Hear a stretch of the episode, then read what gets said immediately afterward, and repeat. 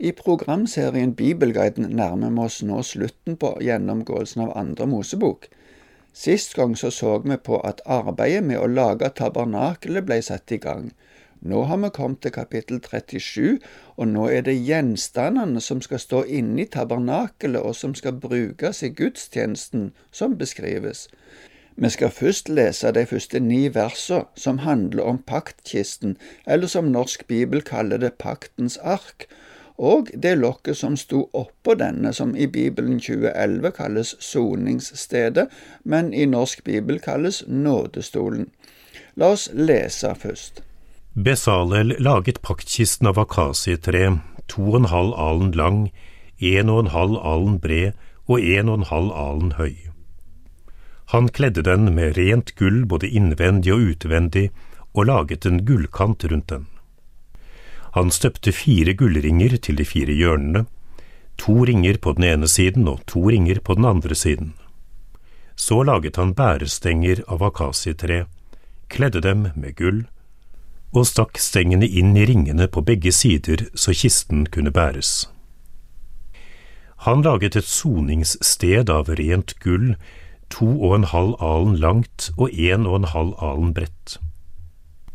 På hver side av soningsstedet laget han to kjeruber av hamret gull, en kjerub på den ene siden og en på den andre siden.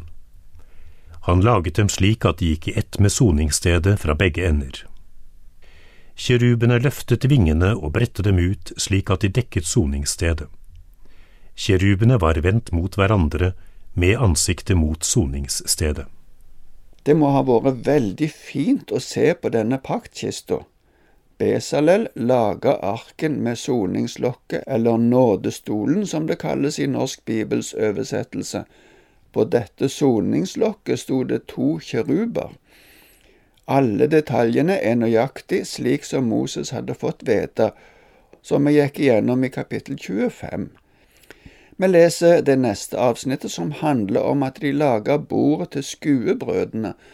Det er versene fra 10 til 16. Bordet laget han av akasietre, to alen langt, én alen bredt og en og en halv alen høyt. Han kledde det med rent gull og laget en gullkant rundt det. Så laget han en list til bordet. Den var en håndsbredd tykk og gikk helt rundt.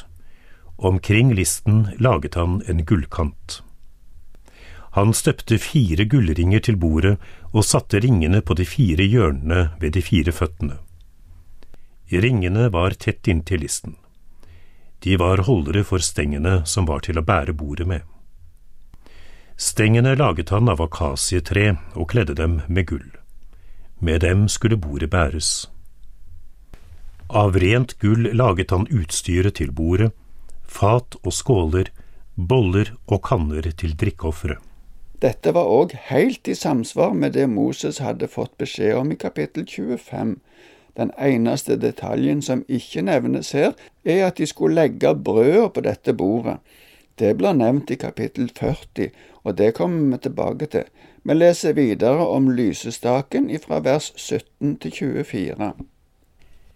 Han laget lysestaken av rent gull. Lysestaken med fot og stamme og skålene med knopper og blomster ble hamret ut av ett stykke. Seks armer gikk ut fra lysestaken, tre på den ene siden og tre på den andre. På den første armen var det tre skåler formet som en mandelblomst, hver med knopp og blomst, på den neste armen tre skåler formet som en mandelblomst, hver med knopp og blomst. Slik var det på alle de seks armene som gikk ut fra lysestaken. På selve staken var det fire mandelformede skåler med knopper og blomster. Det var en knopp under det første armparet, en under det andre og en under det tredje, det vil si under alle de seks armene som gikk ut fra lysestaken. Knoppene og armene gikk i ett med staken. Det hele var hamret ut av ett stykke rent gull. Av rent gull laget han også de sju lampene til lysestaken og tengene og askeskuffene som hørte til. En talent rent gull brukte han til lysestaken og alt utstyret som hørte til. Det var en detaljert instruks også for lysestaken. Denne er òg helt lik det Moses fikk beskjed om i kapittel 25. Der fikk Moses òg beskjed om hvordan lampene skulle tennes, men i denne forbindelsen var det bare prosessen med å lage som blir beskrevet. Når tabernakelet reises og utstyret kommer på plass, nevnes òg tenningen av lampene. Det kommer vi tilbake til i kapittel 40. Det neste og siste avsnittet i dette kapittelet handler om røkofferalteret. Vi leser det avsnittet fra vers 25 til 29. Han laget røkelsesalteret av akasietre. Det var firkantet, én alen langt, én alen bredt og to alen høyt. Hornene på alteret gikk i ett med det. Både toppen, sidene og hornene kledde han med rent gull, og han laget en gullkant rundt det. Nedenfor kanten på begge sider satte han to gullringer.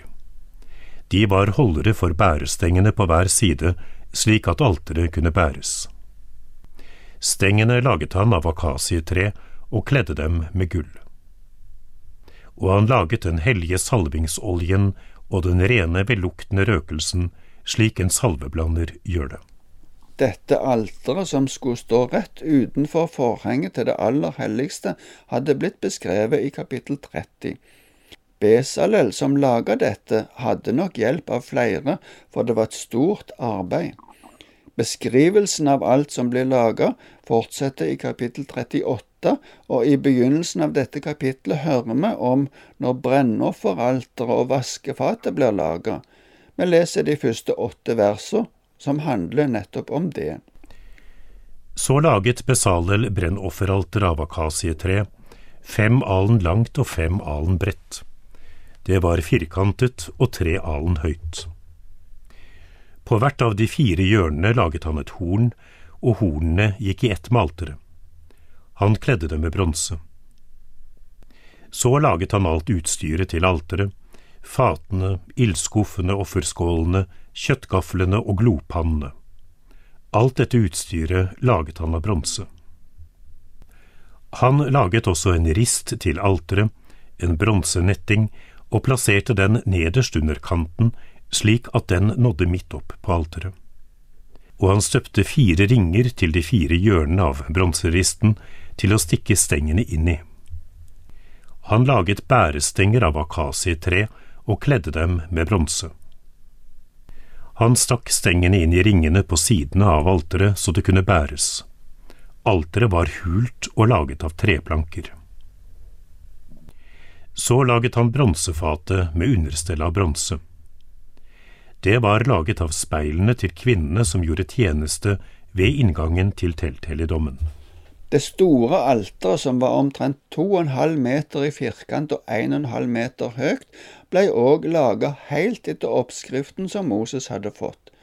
Det var beskrevet i kapittel 27. Når detaljene kommer igjen under beskrivelsen av hvordan det ble lagt, er det sikkert for å vise at de gjorde akkurat slik som Moses hadde fått beskjed om, altså at de fulgte Guds ord helt nøyaktig. Hele tida i disse kapitlene når det står om han som laga dette, henvises det til Besalel, men han var nok arbeidslederen og hadde mange under sin kommando. Det forstår vi av vers 8 i kapittel 36. Vaskefatet av bronse er beskrevet i kapittel 30. Noen bibeløversettelser bruker ordet kobber om det materialet som er brukt til dette. Det bestod av to deler. Det var sjølve fatet og et understell som det skulle stå på. I fortsettelsen er det forgården som blir beskrevet, og alt det som skulle lages i forbindelse med den. Det er fra vers 9 til 20. Så laget han forgården. Mot sør, på sørsiden av forgården, laget han omheng av fint tvinnet lin i en lengde av hundre alen. Til dem var det tjue søyler med sokler av bronse og haker og bånd av sølv. På nordsiden laget han også omheng i en lengde av hundre alen med 20 søyler og 20 sokler av bronse og haker og bånd av sølv. På vestsiden laget han omheng på 50 alen med ti søyler og ti sokler og haker og bånd av sølv. På østsiden mot øst var omhenget 50 alen. På den ene siden var det et 15 alen langt omheng med tre søyler og tre sokler. Og på den andre siden av porten til forgården var det også et 15 alen langt omheng med tre søyler og tre sokler. Alle omhengene rundt forgården var av fint tvinnet lin.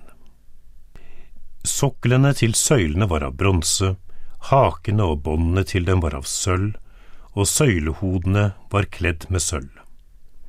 Alle søylene i forgården var utstyrt med sølvbånd.